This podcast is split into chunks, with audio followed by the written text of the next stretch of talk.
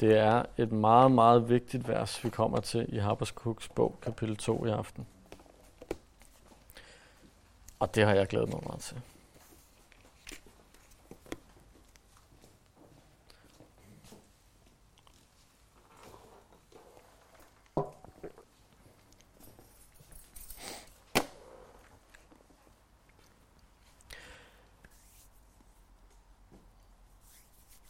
I Habakkuk's bog, kapitel 1, for cirka en måned siden, tror jeg, der så vi, hvordan den her bemærkelsesmærdige profet Habakkuk, han stillede spørgsmål til Gud. Og han stillede spørgsmål om, hvordan er det Gud fungerer? Hvem er han for en? Og hvorfor han, handler han, som han gør? Og på en eller anden måde øh, bliver han meget bemærkelsesværdig, fordi Habakkuk, han går, i hvert fald i sin bog, går han mere op i en teologisk problemstilling, end han går op i folkets ved og vel. Uh, han var profet og profession, og er overbevist om, at han er gået op i folkets ved og vel til daglig, og er overbevist om, at han har profeteret til folket, hjulpet folket til daglig. Men lige akkurat i de tre kapitler, vi har i hans lille bitte bog, der går han mere op i en teologisk problemstilling. Øhm, så det, det er simpelthen det, vi har omkring ham. Vi så sidste gang i kapitel 1, hvordan han har de her spørgsmål til Gud hvor han først ikke begriber, hvordan Gud han kan tillade, at der er ondskab blandt Guds folk. Og så svarer Gud, at han vil bruge kaldæerne eller babylonerne til at dømme den her ondskab. Og derefter så forstår Habakkuk ikke, hvordan at Gud han kan tillade sig at bruge et syndigt folk til at straffe Guds eget retfærdige folk. Det er nogenlunde det, der foregår i kapitel 1.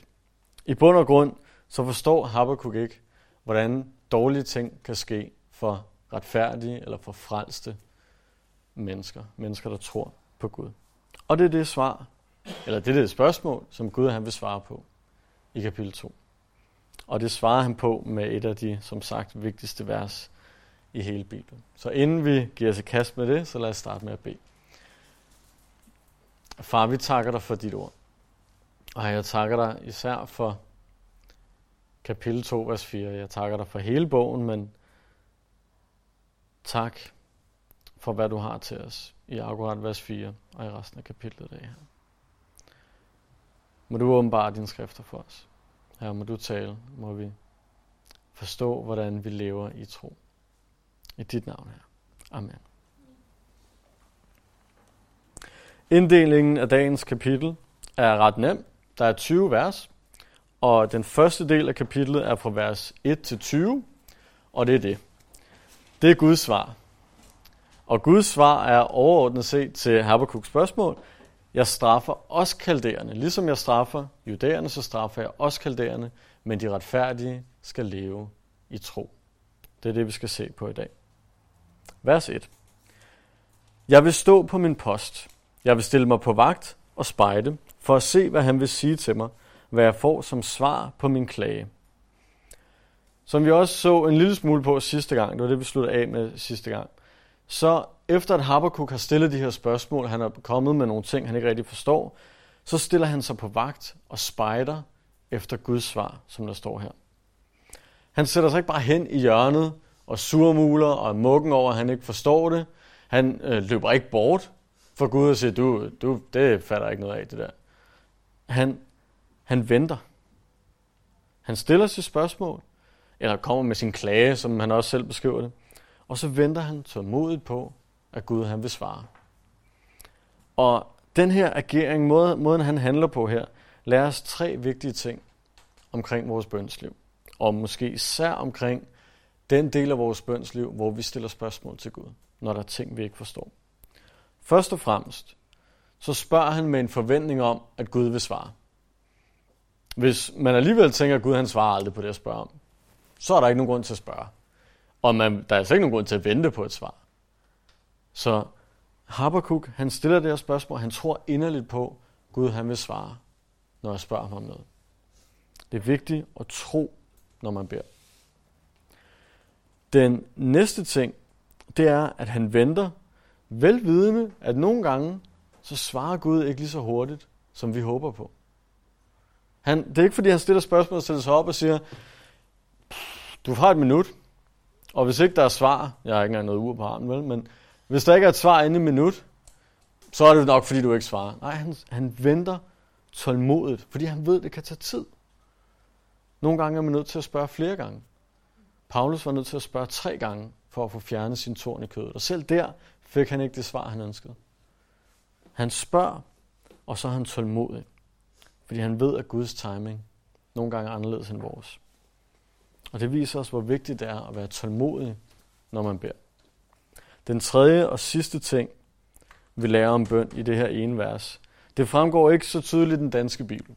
Øh, men så er det godt, at man også har en engelsk oversættelse, hvor at den sidste sætning, hvor der på dansk står, øh, hvad jeg får som svar på min klage, så står der i New King James, oversat til dansk, for at se, hvad han vil sige til mig, og hvad jeg vil svare, når jeg bliver rettet.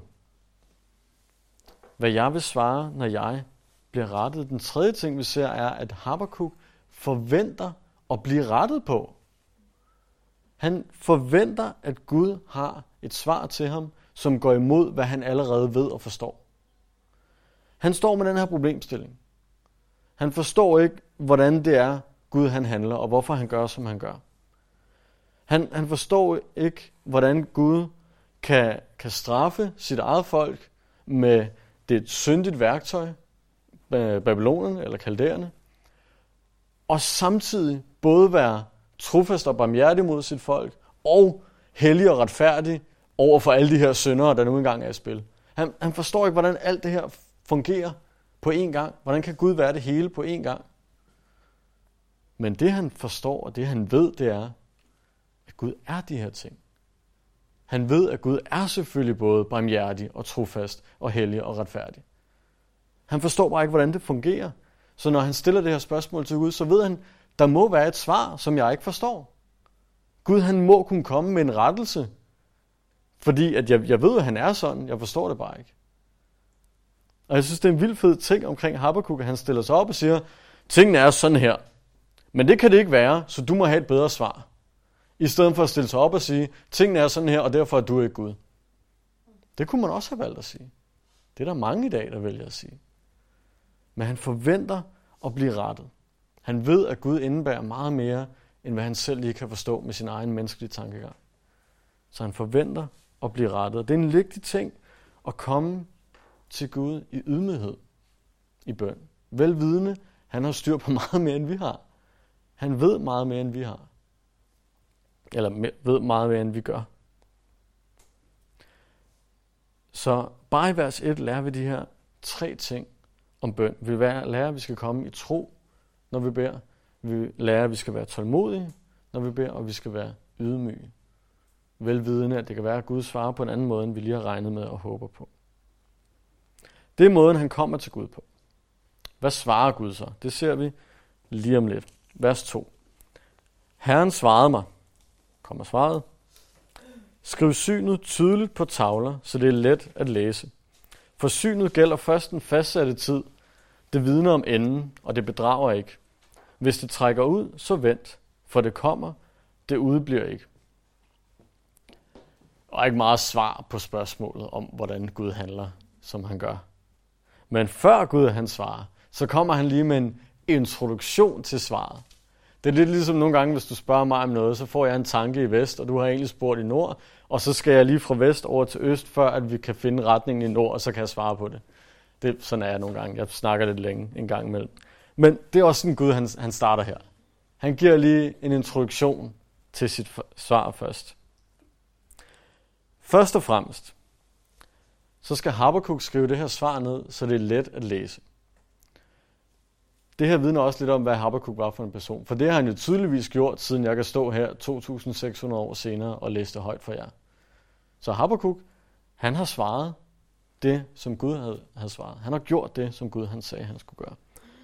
Han har skrevet det her ned.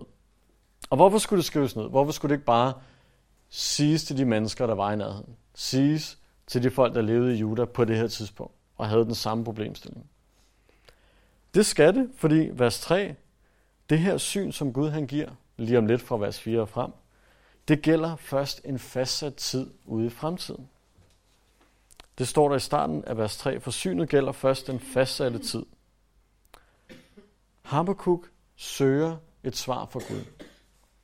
Og han får et svar fra Gud.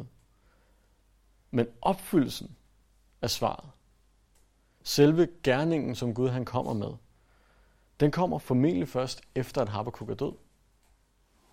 Kan I forestille jer det?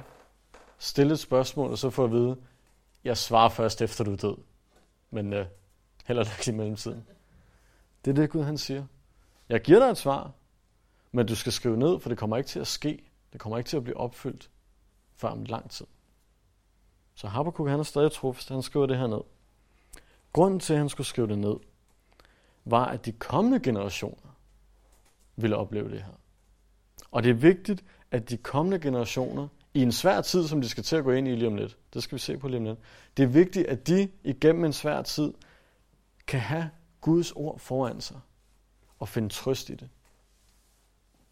Og det er vigtigt, at vi mange, mange år efter, os som ikke har hørt Guds ord fra hans egen mund, som Habakkuk for eksempel har, det er vigtigt, at vi kan læse Guds ord mange år efter. Og det virker lidt omsonst at sige det, især en menighed, hvor vi gør så meget ud af at få Guds ord ind hele tiden, men det er vigtigt. Det, det er et værv, Gud han giver sin profet. Skriv det her ned. Det skal bevares.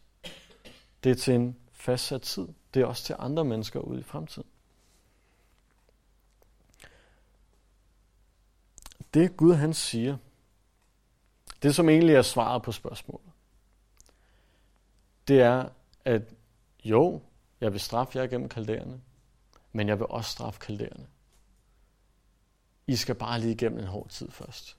Nu læste vi netop fra salme før, og Daniel bad omkring at gå, gå igennem en tid, hvor man måske bliver rettesat eller disciplineret af Herren. Det er sådan en tid, de skal til at gå igennem. Og igennem den tid, der er det vigtigt, at de har Guds ord til at holde fast i. Gud, han, han giver dem ikke bare en svær tid. Han lover dem ikke bare, de næste 70 år bliver hårde. Han giver dem også et trøstens ord igennem den svære tid. En vigtig egenskab at se, at Gud han ikke bare lader dem i stikken. Han giver dem trøst og håb igennem det svære. Nu, nu har jeg allerede afsløret lidt omkring, hvad resten af kapitlet handler om. Øhm, og det syn, som vi skal se på lige om lidt. Men det, det er fordi, det er vigtigt at forstå grundlæggende, inden vi overhovedet ser på det. Det Gud han siger, det han svarer på Habakkuk's spørgsmål, det han ønsker at sige til hele Juda, til sit folk, det er, jeg skal nok frelse jer. Jeg skal nok helbrede jer. Jeg skal nok tage jer ud af den pine, I lever i lige nu. Det kommer bare til at tage noget tid. Det kan godt være, at I skal leve et helt liv i de smerter og trængsler og pinsler, tortur, hvad end det bliver i Babylon. Godt være, I skal leve et helt liv i de ting. Men som han siger, vent, for det kommer, det udbliver ikke. Som sagt, han giver dem et trøstens ord igennem det fangenskab i Babylon, de skal til at gå igennem. Og det er derfor, det skal skrives ned. Så de kan holde fast i det igennem den tid. Guds løfter skal nok blive opfyldt på enkelt af dem. Måske skal vi bare vente lidt på dem. Måske skal vi leve vores liv i tro og forventning til ham, mens vi venter på dem. Og nu kommer vi så til selve synet, som er det egentlige svar på Habakkuk's spørgsmål. Vers 4. Se, den overmodige er uden retskaffenhed, men den retfærdige skal leve i tro. Den retfærdige skal leve i tro. Vers 4 her i Habakkuk's bog, kapitel 2, er, jeg ved ikke om det er det mest kendte. Der er trods alt Moses, og der er Abraham, og der er mange andre. Men det er absolut et af de mest kendte, og et af de vigtigste steder i hele det gamle testamente. Det er sågar så vigtigt, at Gud i sit nye testamente vælger at citere det tre gange. Det vil sige, at den her ene sætning, den retfærdige skal leve i tro, den er fire gange i hele Bibelen. Hvis Gud han vælger at sige noget fire gange, så tror jeg, det er vigtigt. der er flere grunde til det her vigtigt. Det er det ene af dem. At han vælger at gentage det igen og igen og igen. Den anden grund til, at jeg synes, det her er så vigtigt, det er, at det var et centralt vers for Martin Luther og for hele reformationen, som vi selvfølgelig i dagens Danmark øh, er meget afhængige af. Før reformationen, før at Luther han den 31. oktober, det er en nem dato at huske, før Luther den 31. oktober 1517 slog sin 95 teser op på døren.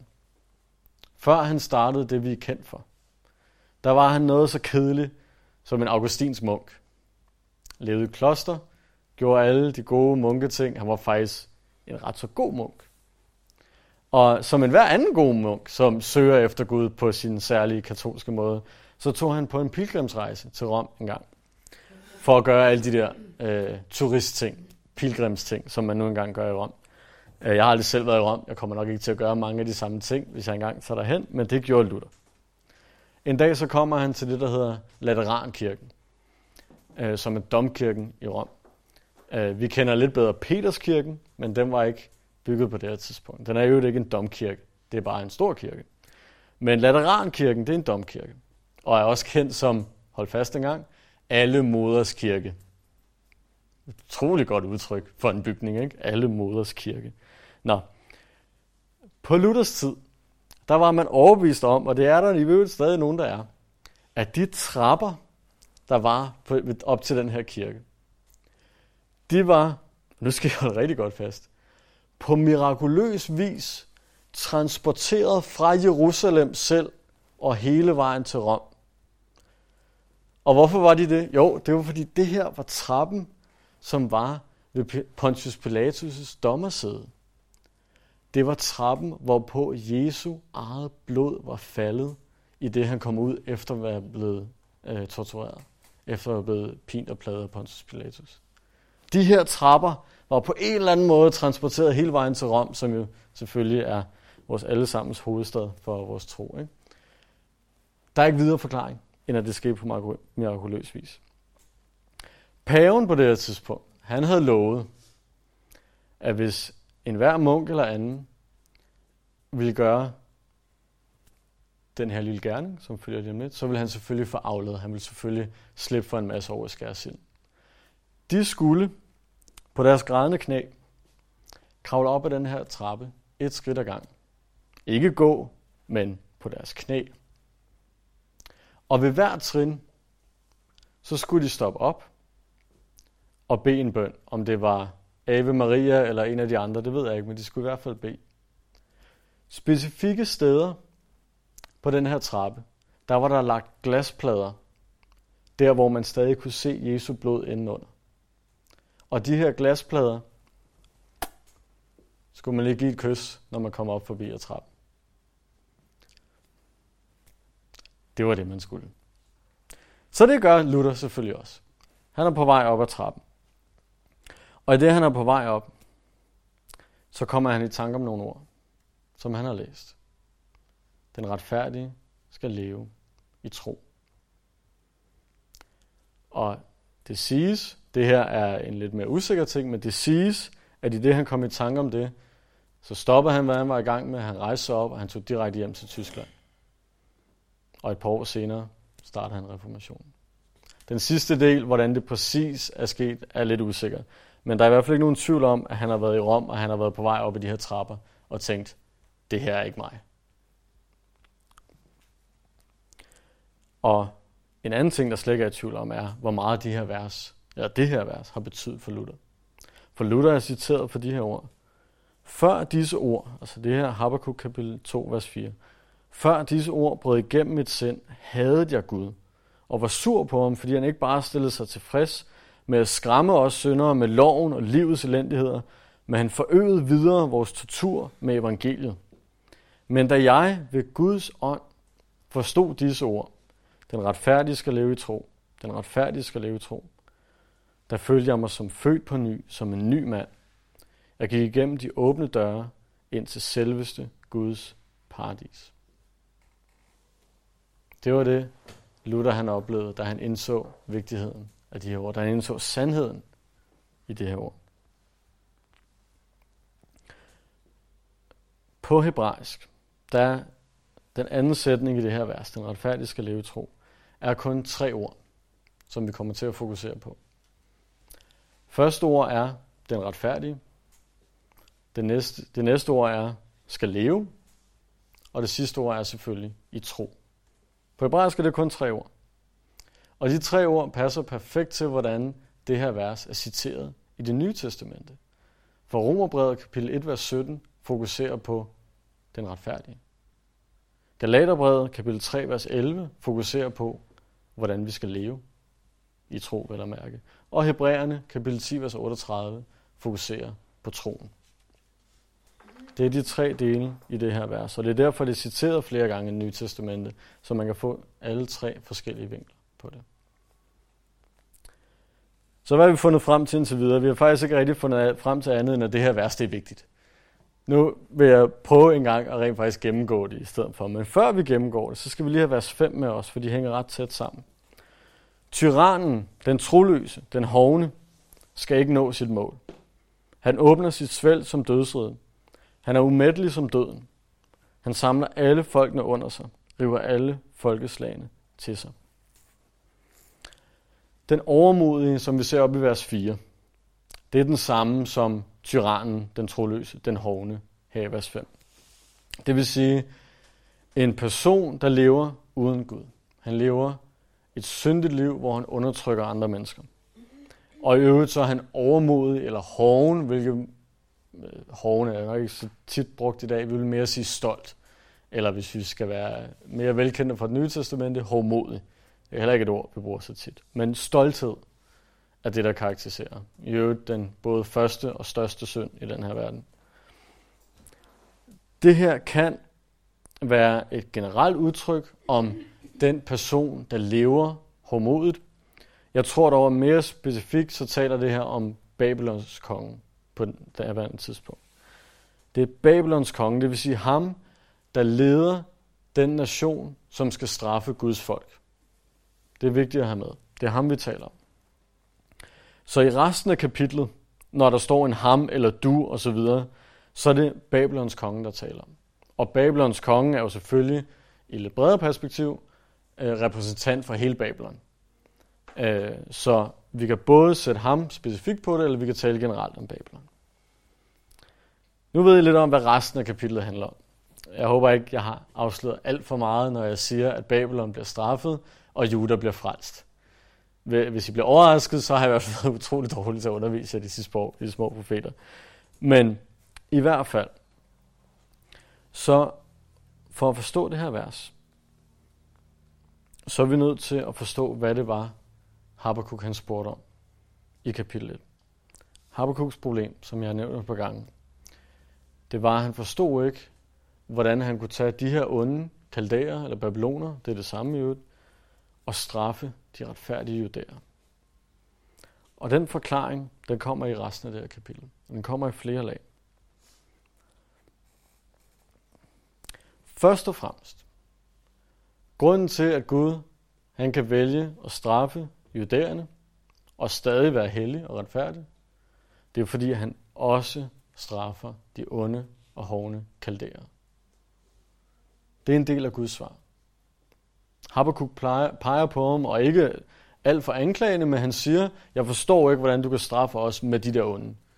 Og Gud siger, det kan jeg, fordi jeg også straffer dem. Jeg overser ikke nogen synd.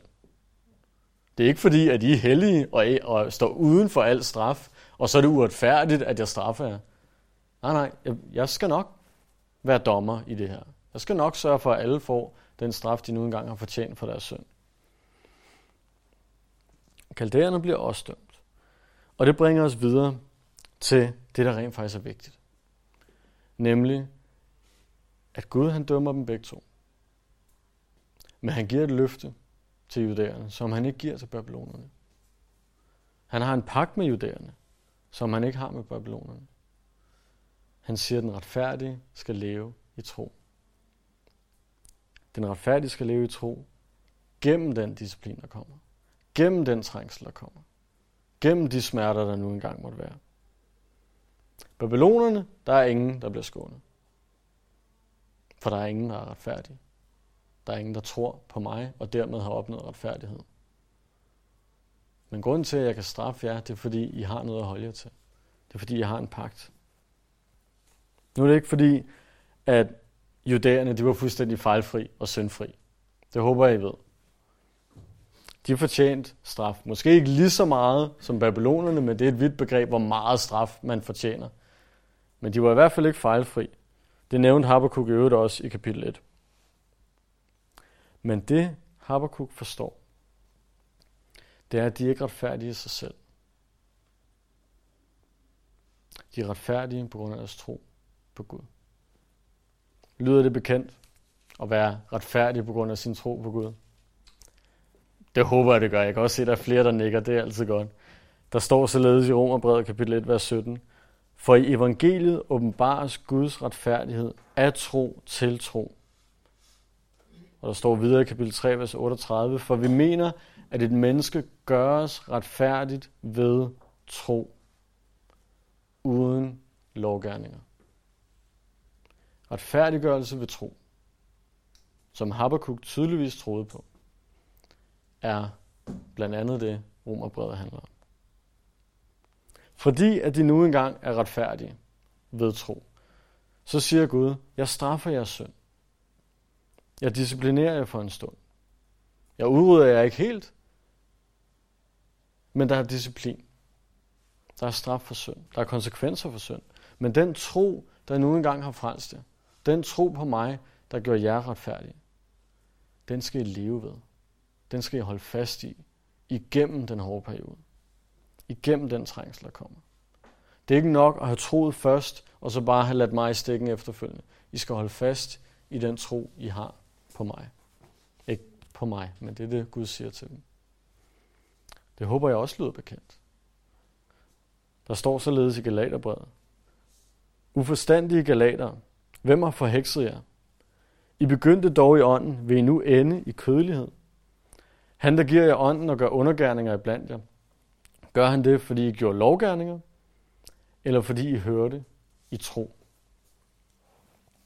Og leve sit liv fortsat i tro, også efter frelsen. Det er i stor del det, Galaterbrevet handler om. Det betyder, at Juda vil gå igennem en svær periode. Og så er jeg egentlig lidt ligeglad med, om det er på grund af deres egen synd, på grund af disciplin, eller om det er bare fordi, at forfærdelige ting nu engang sker, som de gør for os alle sammen. Troende som ikke troende. De skal igennem en svær periode. Formentlig en periode, hvor Gud han vil synes fjern og langt væk. Det vil formentlig føles som om, at han er helt forsvundet. Han vil ikke være til at få øje på. Men det er lige akkurat det, der er pointen. Fordi han ønsker, at de skal leve i troen på ham, som de ikke kan se, i stedet for troen på noget, der er mere håndgribeligt, noget de har nemmere ved at stole på. Er det ikke det, der er helt tricket ved at tro? At vi vandrer ved tro, ikke ved hvad vi kan se. De skulle ikke stole på deres naboer i Ægypterne. De skulle ikke stole på deres egen militære styrke eller alt muligt andet, som de kunne se med deres åbne øjne, som de kunne tage og føle på, selvom en Ægypter måske ville puffe den væk. Ikke? Men det er ikke det, de skal leve ved. De skal leve ved troen på Gud. Og det er forhåbentlig også bekendt. For der står i Hebræerbrevet, kapitel 10, 38 til 11.1. Men vi hører ikke til dem, der vi er tilbage, så vi fortabes, men til dem, der tror, så vores sjæle frelses. Tro er fast tillid til det, der håbes på, og bevisning om det, der ikke ses. At stole på Gud gennem tro, frem for at stole på alt muligt andet, det er i stor del det, Hebræerbrevet handler om. Romerbrevet, Galaterbrevet, Hebræerbrevet. De tre steder i det nye testamente, som citerer det her vers. I sin bibelkommentar, der kalder James Montgomery Boyce de her tre breve for kommentarer på det ene vers. Han siger, at Romerbrevet er kommentaren på Habakkuk kapitel 2, vers 4, omkring den retfærdige. Galaterbrevet er en kommentar omkring det at leve i tro ud fra Habakkuk 2.4. Og Hebræerbrevet er en kommentar på selve troen. Det er tro alene, der frelser. Det er tro alene, vi kan behage Gud ved. Det er tro alene, der kan få vores bønder til at blive hørt. Det er tro alene, som vi fortsat skal leve i og ved. Det er ikke vores intellekt, det er ikke vores styrke, det er ikke vores magt, det er ikke andres magt, andres intellekt, det er sågar ikke engang andres tro. På engelsk står der, eller i hvert fald i New King James står der, at den retfærdige skal leve i sin tro, eller i hans tro. Nej, sin tro er grammatisk korrekt. Ja, tak. Ikke andres tro. Det er vores egen tro, vi skal leve ved.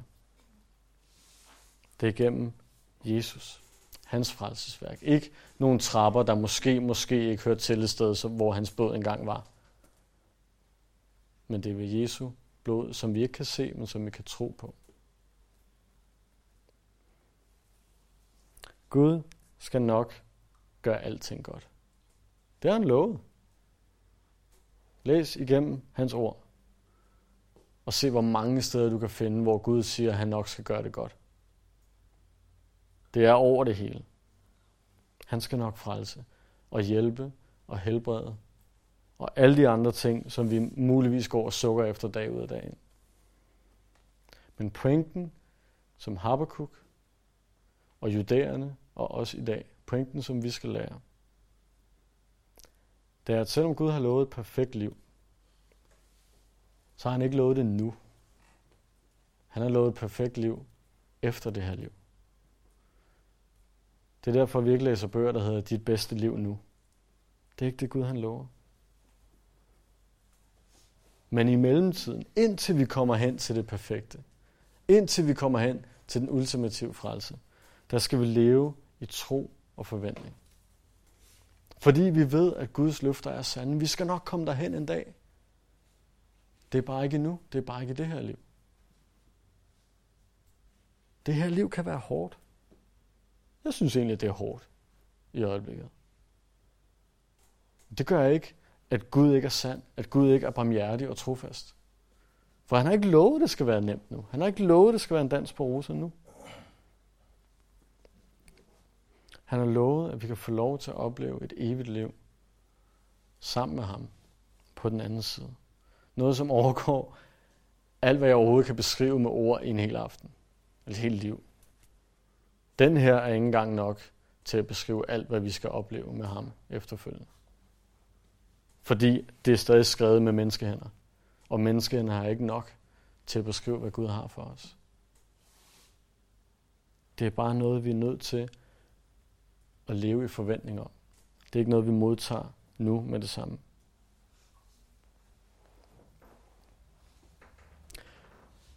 Resten af kapitlet handler, som jeg også nævnte før, det handler om dommen over den her tyran, over hans folk. Øh, det bliver lidt mærkeligt, fordi vers 4 er lidt mere spændende. Man har lyst til at blive det op, men jeg tror på, at han også har noget til at sige resten af kapitlet.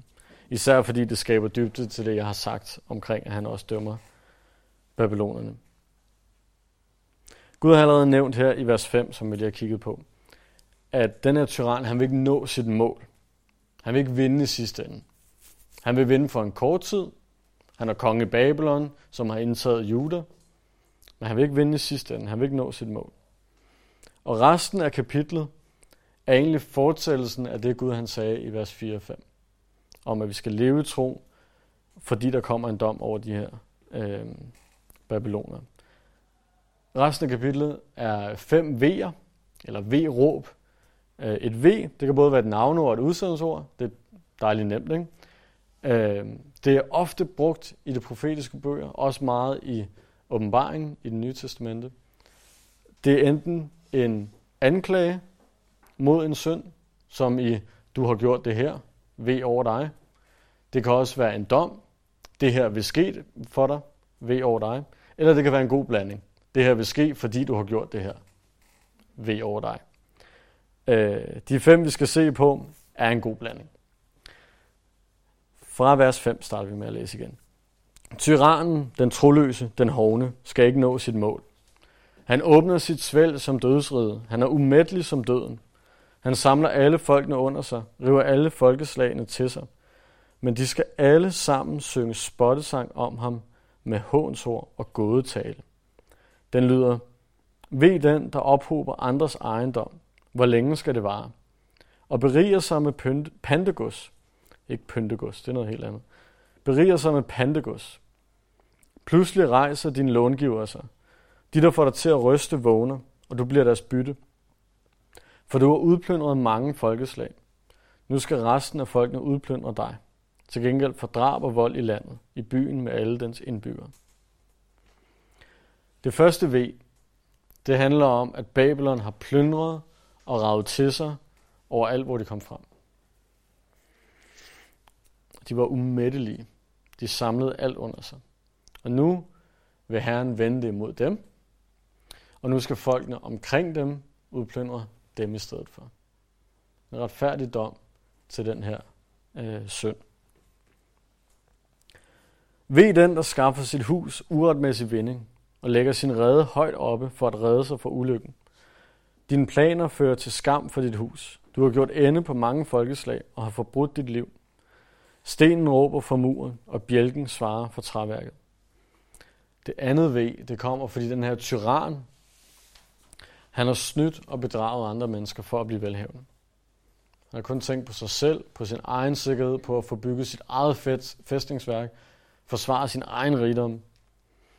Og på grund af det her, og det synes jeg er en lidt sjov ting, på grund af det her, så vil stenen og bjælken i hans fæstningsværk, det fæstningsværk, han har bygget for at forsvare sig selv, der vil materialerne, de vil råbe til Gud om hans synd, og han vil bringes til skam.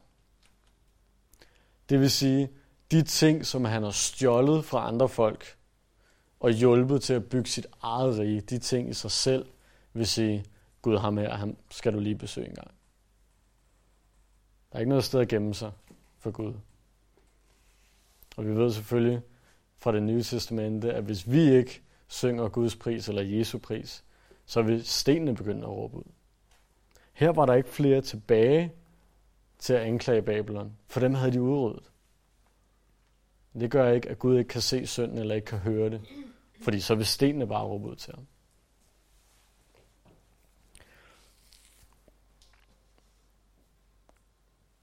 Vers 12. Ved den, der bygger en by med blod og grundlægger en stad på uret. Folkenes slid går op i lure, og deres møje bliver til intet. Er dette ikke herskers herres værk. Jorden skal fyldes med kundskab om Herrens herlighed, som vandet dækker havets bund. Det tredje ved, det er lidt ligesom det andet ved. Det kommer, fordi Babylons magt og velstand var bygget på andres ødelæggelse, på andres ruin og død. Gud han har ikke noget imod rigdom og velstand. Han har ikke noget imod, at folk er dygtige til et eller andet og tjener penge på det. Bestemt ikke. Slet ikke, hvis man er øh, en god forstander over for, for pagter, undskyld, for de gaver, man har givet af Gud. Han har intet imod velstand. Han har noget imod velstand, der kommer på bekostning af andre. Han har noget imod vinding for egen vindings skyld. På andres ruin. Og på grund af det, så vil deres slid og møje, står der, det vil blive til intet. Og når Herren kommer mod Babylon, når han dømmer, så vil alle se hans værk. Der står, at jorden skal fyldes med kundskab om Herrens herlighed, som vandet dækker havets bund. Gud han vil straffe Babylon på en sådan måde, at hele jorden vil se det. Og ikke nok med det, de vil ikke bare se, at de er blevet straffet. Der står, at de vil se Herrens herlighed i det. Tænk sig engang, at man har levet så syndigt et liv, at det, at man bliver straffet, er et vidnesbyrd om Gud. Vores liv skulle gerne være et vidnesbyrd om Gud på grund af den måde, vi lever på, på grund af de gode ting, vi gør, på grund af de gode ting, vi siger om Gud. Men for Babylon, der var deres ødelæggelse et vidnesbyrd om Gud. Det er lidt den forkerte vej rundt, men det siger noget om, hvordan de levede deres liv. Der er en dobbelt opfyldelse af den her profeti. En ting er, at Gud han ødelagde Babylon, og han satte, øh, hvad skal man sige, han satte judæerne fri for, før Jesus, for 2500 år siden. Men der er også en endelig opfyldelse. Der er en endelig opfyldelse i åbenbaringen 18 og 19, som vi selvfølgelig har liggende på nettet, hvor René underviser det. Hvor det store Babylon, det Babylon, som er blevet genopbygget på ny, fra de ruiner, som der er i dag, det Babylon, som Saddam Hussein, for at tage det lidt op to date, som Saddam Hussein ønskede at bygge på ny. Det er Babylon, som på et eller andet tidspunkt vil blive bygget. Nu bliver det selvfølgelig ikke Saddam Hussein, men det bliver en eller anden anden, undskyld udtrykket, psykopat i samme stil, der bygger det her verdensrige op, som vil være imod alt, hvad Gud er. Også det vil blive ødelagt, vil blive knust af Herren i de sidste tider. Og der vil det for alvor blive på så eftertrykkelig en måde, at verden vil se Herrens herlighed. For det bliver, når Jesus vender tilbage. Vi fortsætter i vers 15. Ved den, der blander rusgift og skænker op for sin ven og drikker ham fuld for at se ham nøgen. Du skal mætte dig med skam i stedet for ære. Drik også du og vis dig uomskåret. Bæret i Herrens højre hånd når rundt til dig, og din ære dækkes af skændsel. Din vold mod Libanon skal komme over dig. Din mishandling af dyrene skal ramme dig selv. Til gengæld for drab og vold i landet, i byen med alle dens indbyggere. Det fjerde V, det kommer, fordi den her tyran, eller Babylon generelt, de leder folk i fordærv for at udnytte dem. De drikker dem fulde for at se dem nøgne. Øh, på grund af det her, fordi han med vilje har bragt skam over andre mennesker, så vil Gud i stedet for bringe skam over ham, i stedet for den ære, han ellers synes, han havde opbygget. Den vold og mishandling, han har udøvet mod andre, det kommer direkte tilbage i hovedet på ham selv. Igen, for jeg ved ikke, hvor mange gange egentlig de små profeter, øh, så ser vi, at den straf, Gud han giver, den passer perfekt til synden. Han straffer ikke mere, end hvad godt er. Han straffer ikke, fordi han synes, det er en fed ting at gøre, så smider han lige lidt ekstra lyn og torden oveni. Han straffer, fordi han er hellig. Han straffer, fordi at det her, det er synd. Det er voldsomt. Det fortjener en straf. Og straffen passer til synd. Vers 18. Det sidste V, som skiller sig lidt ud. Hvad gavner et gudebillede? Det er jo en håndværker, der har skåret det ud. Hvad gavner det støbte billede, der lærer løgn, selvom håndværkeren, der har formet det, stoler så meget på det, at han giver sig til at fremstille stumme afguder. Ved den, der siger til træklodsen, vågn op, og til den stumme sten, stå op. Kan den give belæring? Den er beklædt med guld og sølv, og der er ingen ånd i den. Men Herren er i sit hellige tempel. Vær stille for ham hele jorden. Så de andre fire V'er har primært handlet om, hvordan Babylon har undertrykt andre mennesker, hvordan de har været voldsomme og forrygte mod andre mennesker. Men det her, det handler om deres afgudstyrkelse. Det handler om, hvordan de skærer en lille figur ud af træ, og så lægger sig ned og tilbeder den. Det handler om, hvordan de vandærer skaberen selv. Hvordan de vandærer den Gud, som de burde have stolet på gennem tro. Og lige meget, hvor meget de rager til sig, lige meget, hvor meget de prøver at bygge op, så kan det ikke sammenlignes med at tilbede den sande og levende Gud. Så bliver der draget en kontrast til Herren selv. En ting er de her menneskeskabte afguder, som ikke er noget som helst værd. En anden ting er den levende Gud, som er i sit hellige tempel. Den levende Gud, som godt nok er i noget menneskeskabt, men noget menneskeskabt, som kun bliver helligt, fordi han er der. Daniel var inde på det for et par søndage siden, at templet er ikke noget værd, fordi at templet er noget værd. Templet er noget værd, fordi Gud er noget værd, og fordi Gud vælger at tage bolig i det. Lige så vel som os. Vi er ikke meget værd i os selv. Men Gud gør os noget værd, fordi han vælger at tage bolig i os. Igen, fordi vi tror på ham.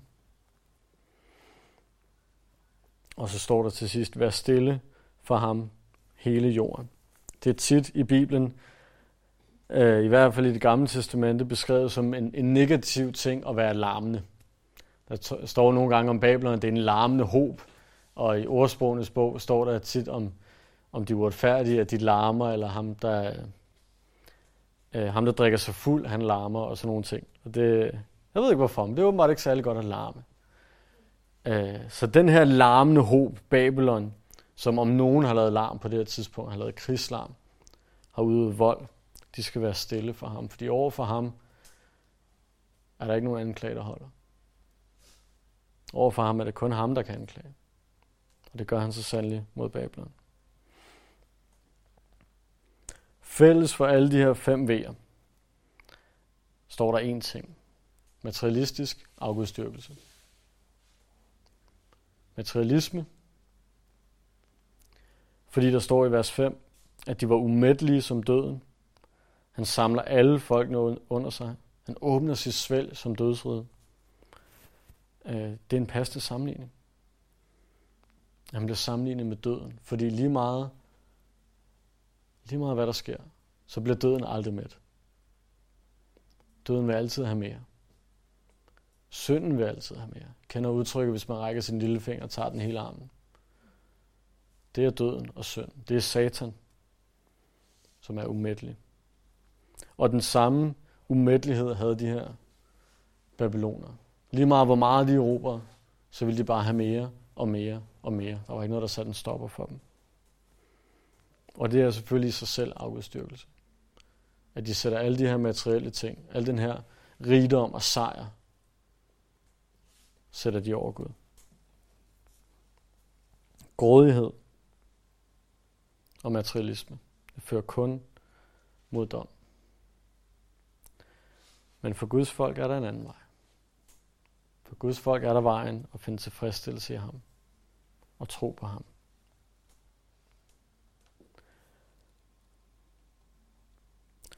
Så det kapitel 2 lærer os. Altså. Det er som sagt svaret på kapitel 1. Spørgsmålet var, hvordan kan Gud straffe sit eget folk med et syndigt folk? Hvordan kan han forsvare og bruge et syndigt værktøj, men stadig være en hellig og retfærdig Gud? Det kan han, fordi han også straffer kaldæerne. Og dermed er han både en retfærdig dommer over judæerne og over kaldæerne. Samtidig med, at han er trofast over for sit eget folk, over for de løfter, han har givet dem. Han giver dem en mulighed for, igennem en svær periode, at leve i tro, leve i forventning, om at hans løfter skal opfyldes. Og det vi skal gå hjem med, det er, hvor fantastisk en ting det er, at det er tro og tro alene. Det er ikke en, en tung byrde, der skal løftes. Gud han er ikke en arbejdsgiver på den måde. Hvis du opnår din, dine 37 timer, eller du er så og så produktiv, så, så får du lønchecken sidst på ugen eller sidst på måneden. Det er ikke regler, der skal overholdes. Som i et, et fængsel, hvor du får lov til at komme mere ud, hvis du overholder alle de gode regler, men du bliver sat i isolation, hvis du ikke overholder dem. Det er ikke sådan, vores Gud er. Det er den letteste byrde at løfte i verden. At tro på ham. Det er ikke noget, man kan hjælpe hinanden med. Det er ikke noget, hvor nogen har en fordel frem for andre. Det er ikke noget, hvor nogen er bedre til det end andre. Vi står alle sammen lige ind for Gud. For det handler om at tro. Al ære går til Gud på grund af det. Der er ingen af vores gerninger, ingen gang vores intentioner om vores gerninger. Der er intet af det, der gør en forskel. Bare tro på ham. Bare lev i troen på ham. Ligesom du gjorde, da du kom til frelse. Lev i troen på ham. Og husk den her ting. Hvis, hvis du står i en, i en situation, hvor tingene er svære, hvor tingene er hårde, så husk, at du kan stole på Gud på grund af den, han er. På grund af hans person, på grund af hans karakter. Det kan godt være, at vi ikke altid forstår ham. Det kan godt være, at vi ikke altid præcis ved, hvorfor han handler, som han gør. Men vi kan stadig stole på ham igennem det. Hvis Gud han er evig, og det tror vi på, at han er, så de problemer, vi har i dag, kan umuligt være det sidste, han har at sige eller gøre i vores liv. Ikke hvis han er evig. Hvis Gud han er almægtig, det tror vi også på, at han er, så har han også kontrol, også selvom det ikke ser sådan ud. Hvis Gud han er hellig, så vil han ikke gøre noget i vores liv, udelukkende for at det går ondt. For at onde ting sker i vores liv. Han gør det for at bringe noget godt ud i sidste ende. Og hvis Gud han er trofast, så vil det, der føles ondt for en kort tid, det vil han bringe noget godt ud af. Det vil kun være midlertidigt. Fordi han lover det perfekte liv herefter. Lad os takke ham for det. Far, tak, at du er trofast. Tak, at dine løfter holder ved. Og her, selvom det svære er at leve i tro, selvom vi nogle gange tænker, at det nemme ville være, hvis jeg bare kunne krydse ting af på en liste, og så vil jeg være god nok her, så ved vi godt, at den vej rundt vil vi aldrig være god nok. Her tak, at det eneste vi skal gøre, det er at give slip på det hele, og bare sige, Gud, jeg tror på dig. Her tak, at du har givet os de her fantastiske løfter. Tak, at selv troen er en gave for dig, at vi kan, kan tro på dig og leve i forventning om, at du kommer igen. Her vi beder, at du må hjælpe os til det. Indgyd os mere tro. Forøg vores tro. Styrk os i vores tro.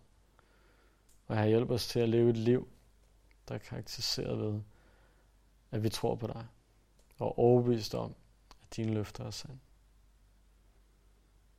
takker og priser Jesus. Amen.